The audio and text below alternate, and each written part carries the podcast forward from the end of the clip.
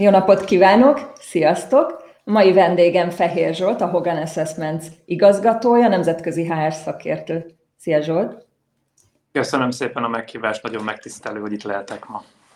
Zsoltal arról beszélgetünk, hogy az egyén személyisége hogyan tesz hozzá egy céges kultúrához, hogyan függ össze az üzleti siker az egyén személyiségével. Mi erről a véleményed? Ó, hát értem szerint, ezzel foglalkozunk két nap alá téve véleményünk szerint ez egy rendkívül fontos dolog.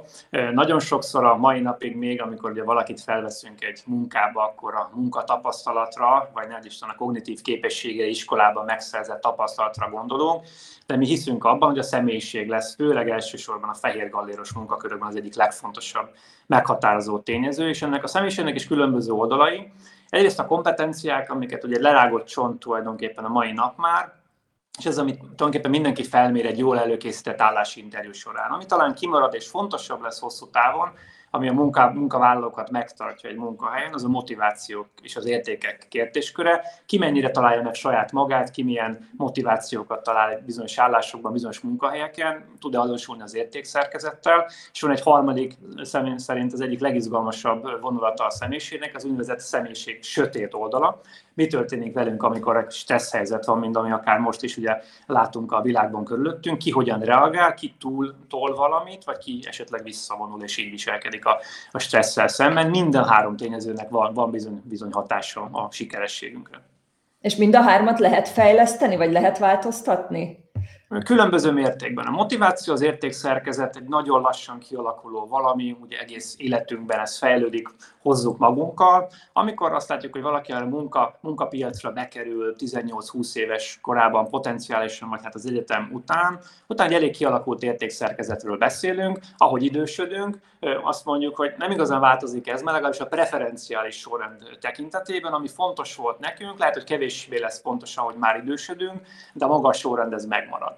A kompetenciák kérdéskörében van fejlesztési lehetőség, hiszen az egész tréningiparág tulajdonképpen erről szól, hogyan legyen valaki szisztematikusabb, hogyan legyen valaki nyitottabb, hogyan tudja jobban kommunikálni, ami mi a hitünk szerint nem véges. Tehát nem lehet, nem lehet valakinek, aki a spektrum egyik oldalán tartózkodik, belőle nem lesz soha szuper kiváló, talán egy átlagos szintre fel lehet hozni, ezért is véleményem szerint a tréningiparágban elsősorban arra érdemes fókuszálni, aki, aki még olyan középszinten van, de még fejleszthető ahhoz, hogy jobb legyen. Tehát itt az oldal ez, ez, ez így tud működni.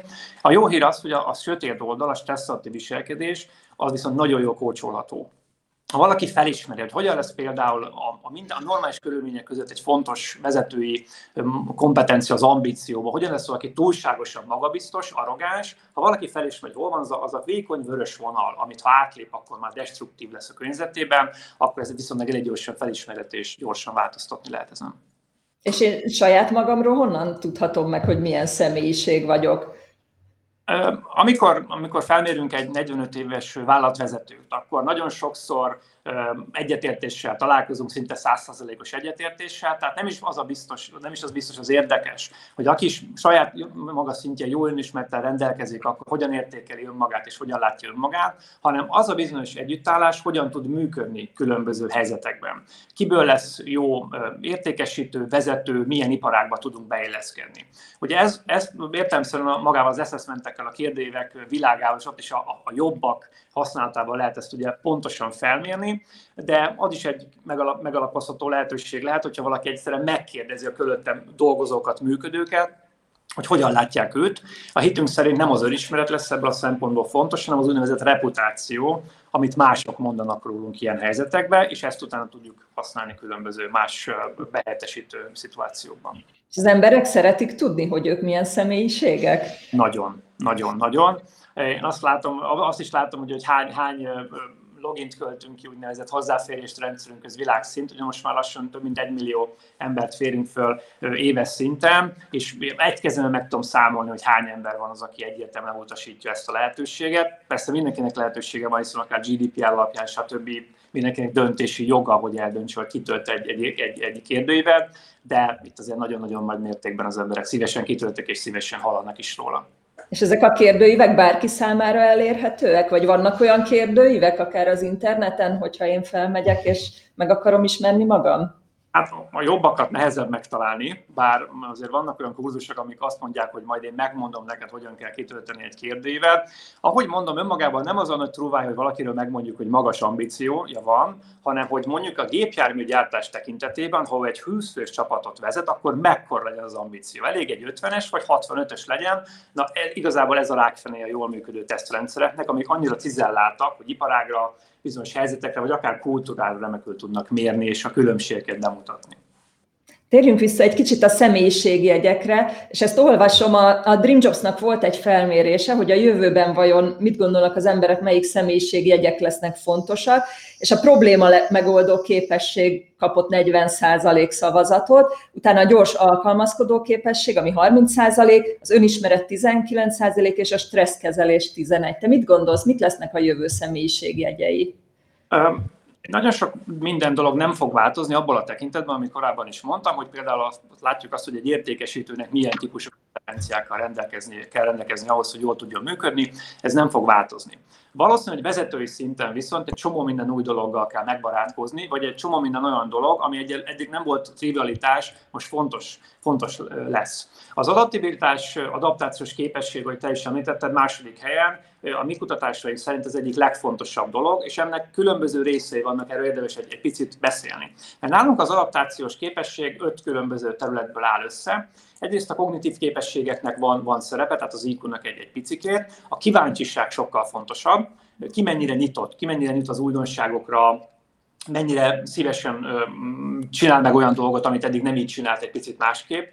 Az ambíció ugyancsak fontos, hogyan tudok előrevinni bármit egy változtatás esetén. A stratégiai gondolkodás, ami egy picit a kognitív gondolkodás, a kognitív képességek és a kíváncsiságnak az ötvözete, és véleményem szerint az egyik legfontosabb lépés, vagy egy, egy, mondjuk egy skála érték, amit nagyon nehéz lefolytani egyébként angolról magyar, ez a humility nevű kérdés, ez szerintem eléggé leíró, hogy magyarul nem is nagyon van ilyen szavunk, mert az alázat az picit túl erős. Minden esetre alázatosnak lenni a visszajelzésekkel szemben, egyáltalán kíváncsi lenne arra, hogy ki mit gondol rólunk a helyzetről, ezt befogadni, és ez alapján változni. Tehát ez az öt tényező, ez, ez áll össze abban, hogy valaki mennyire lesz képes változni, idomulni a helyzethez, és egyértelmű, hogy ez, ez egy gyorsan működő iparágban korábban is fontos volt, de talán most ez szinte minden iparágra fontos lesz. Evezzünk egy kicsit más témára. Ez a helyzet nagyon sok szervezeti változást igényel, és nagyon sokszor felmerül az, hogy fizetést csökkentenek a cégek, vagy ne adj Isten elbocsátanak. Hogyan érdemes ezt, ezt levezényelni, vagy, vagy végrehajtani ezeket a módosításokat, elbocsátásokat? Szerintem itt, itt sem tudunk attól eltekinteni, hogy, mit, mit, hogy hogyan gondolkodnak az alkalmazottak egy jó vezetőről. Mi az az, az univerzális elvárás, ami, ami ebben a tekintetben fontos legyen. És a, a döntéshozás, a jó döntéshozás az egy rendkívül fontos tényező ebben a tekintetben, legalábbis úgy, úgy jó dönteni, hogy ha rosszul is döntünk, meghallgatjuk a külvilág véleményét, és legközelebb jobban döntünk. Tehát mindenképpen a munkavállalóktól történő visszajelzések befogadása és a nyílt kommunikáció talán az egyik legfontosabb dolog, amit látunk, ami egy elvárás minden, minden oldalon. Amennyiben szakmailag megindokolt a döntés, és transzparensen erről van egy kommunikáció a munkavállalók felé, nagyobb az esélyünk. Ez nem garantál, hogy ez semmit, hiszen ahogy beszéltünk róla korábban, azért van egy, van egy erőteljes nyomás mindenki jelen pillanatban, legyen az anyagi vagy bármilyen más jellegű. De én azt mondom, hogy a, a gyors beavatkozásnak jelen, nagyon nagy szerepe van. Én hiszek abban, hogy, hogy egyszeri, de fájdalmas lépés meghozatala sokkal jobb, mint hogyha lebegtetjük a dolgokat, és akár hónapokig, hetente, havonta egy-egy kisebb csoporttól válunk meg, sokkal, sokkal úgymond emberbarátabb, talán brutálisabb, de emberbarátabb és jobban feldolgozható egyszerre, egyszerre lépünk meg ilyen fájdalmas dolgokat. És most kellett volna felemelned a pálcikát, azt hiszem, amit készítettél. Mert készítettem egy ilyen kis pálcikát, ami azt nézzük, hogy a, hogyha arról beszélek, hogy a munkáltatónak milyen dolga van, akkor igen, valóban, majdnem készítettem, majd még emlékszem rá. Kik tudnak ebből a helyzetből profitálni? Kik azok, akik esetleg fel tudják szívni a munkaerőt, ami kiesik a másik oldalon? Na most akkor magamtól hozom a pálcikát. Tehát kedves munkáltatók, akik a telekommunikáció, a, a, a szállítmányozás, a gyógyszeripar vagy a, a, a, bankipar, nektek lesz lehetőségetek arra várhatóan. Különböző CEO-k által kitörtött nagyobb kérdőívek is ezt hozzá globális, hogy ezek az iparágok lesznek, akik nyertesként tudnak kilépni, vagy legalábbis nem kapnak akkora ütést, mint a, a többiek. Ehhez egy picit hozzátennék egy magyar vetületet. Jó pár évvel ezelőtt, most már 8 évvel ezelőtt készítettünk egy kutatást megnézve azt, hogy Magyarországon melyik, melyik azok az iparágok, aminek van jövője. Egyrészt az oldalra, hogy hol van olyan vezetői kompetencia, ami tényleg egy erőteljesen előrevívő, vállalatot előrevívő együttállást mutat. Itt a gyógyszeripart láttuk, akik az egyik legjobbak ebben a tekintetben Magyarországon. A fejlesztés felé való igény, elvárás pedig a pénzügyi, a pénzügyi területen működő vezetők oldala. Tehát azt, hogy ebből, ebből a kettőből én azt raknám össze, hogy úgy tűnik, hogy Magyarországon az, a nyertes iparágban valójában a gyógyszeripar és a, és a pénzügyi terület lehet az, aki, aki, aki, aki nem sérül legalábbis olyan nagyon, mint a többiek. És te számítasz arra egyébként, hogy külföldről is térnek haza munkavállalók most emiatt? Az első pár hétben abszolút, még erről is, beszéltem több helyen, hogy, hogy, hogy biztos vagyok benne, hogy ez, hogy ez megvalósul. Most már kicsit szkeptikusabb vagyok, ugyanis úgy tűnik, hogy azokon a területeken, ahol tényleges hiány van jelen pillanatban, ott ugyanúgy egy, egy globális piacról fogunk beszélni, miután nyílnak a határok, ugyanúgy mindenki meg fog harcolni a jó erőért, legyen az kék gazdaság, akár a mezőgazdaság területén, ezért pontosan látjuk most is, milyen problémák vannak. A 40% a termékeknek ott marad Angliában a termőföldeken, mert nincs, aki leszedje, tehát vannak ilyen jellegű pozíciók, és hát pontosan látjuk, hogy az IT területén nem állt meg a toborzás, ugyanúgy megy minden tovább, mint eddig, és ugyanúgy szükség van a jó kódolókra. És mi a helyzet a passzív munkavállalókkal? Kevesebb lett, több lett? Hát ezt, ezt talán még, még korai megmondani, hogy, hogy ez, ez hogyan, hogyan, hogyan alakul. A munkanélküliségi ráta az én becsléseim szerint körülbelül olyan félmilliónál tart jelen pillanatban, amit ugye már több elemzésről most meg is erősített, hogy jó, jó a gondolkodás. De pontosan még nem látjuk, sajnos azt lehet mondani, hogy valószínűleg nem, nem, nem, nem itt lesz a vége a dolognak, hanem, hanem ez sajnos növekedni fog a továbbiakban. És szerinted hol áll meg? Fú, hát ez nagyon nehéz, ez nagyon nehéz kérdés, ezt nagyon nehéz lesz megmondani.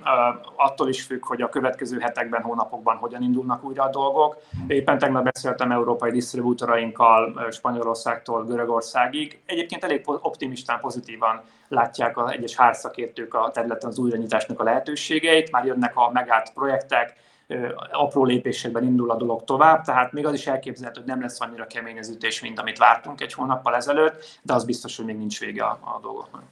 És nemzetközi szakértőként te látod azért, hogy a világ más országában hogyan birkoznak meg a helyzettel. Magyarország HR szempontból hogyan birkozik meg a helyzettel, hogy állunk?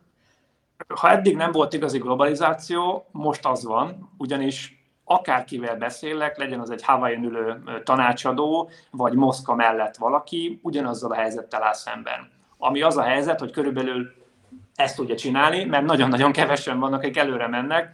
Amit látok ugyancsak univerzálisan, hogy HRS-ek egyszerűen nem lépnek, nem döntenek. Elnézést a, a kedves hallgatóktól, de, de van egy bizonyos tiporodás jobbra-balra. Eddig is láttuk, hogy sajnos ugye nem minden cégnél a HR az első legfontosabb terület, és talán még a költségvetés tekintetében sem manifestálódik ez, de ez most is látszódik, hogy amíg pénzügyi döntések már megtörténnek, termeléssel kapcsolatos döntések megtörténnek, a HR oldalról egyszerűen nem történnek döntések, és ez azért végzetes lehet, főleg nekünk szolgáltatóknak értelemszerűen, hiszen két hónapja várjuk azt, hogy bizonyos már eldöntött kérdések tovább épjenek, és ez univerzális, globális szinten működő dolog. Nagyon kevés jól működő rendszert látok, Persze egyik oldalon megértem, hiszen egy hatalmas nagy bizonytalanság áll mindenki szemben, viszont én nem értem magát azt, hogy miért nem lépünk tovább, amikor már eldöntött dolgokról beszélünk.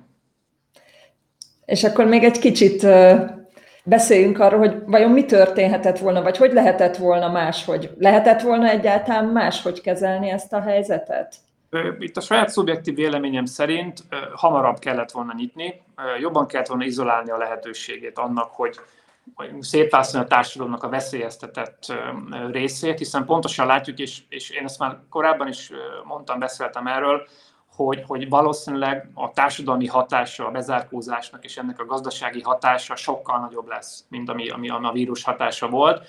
Utólag ugye ez már a kibicnek semmi nem drága kategória, persze utólag okoskodni lehet, de sajnos ezt, ezt a véleményet most is fenntartom.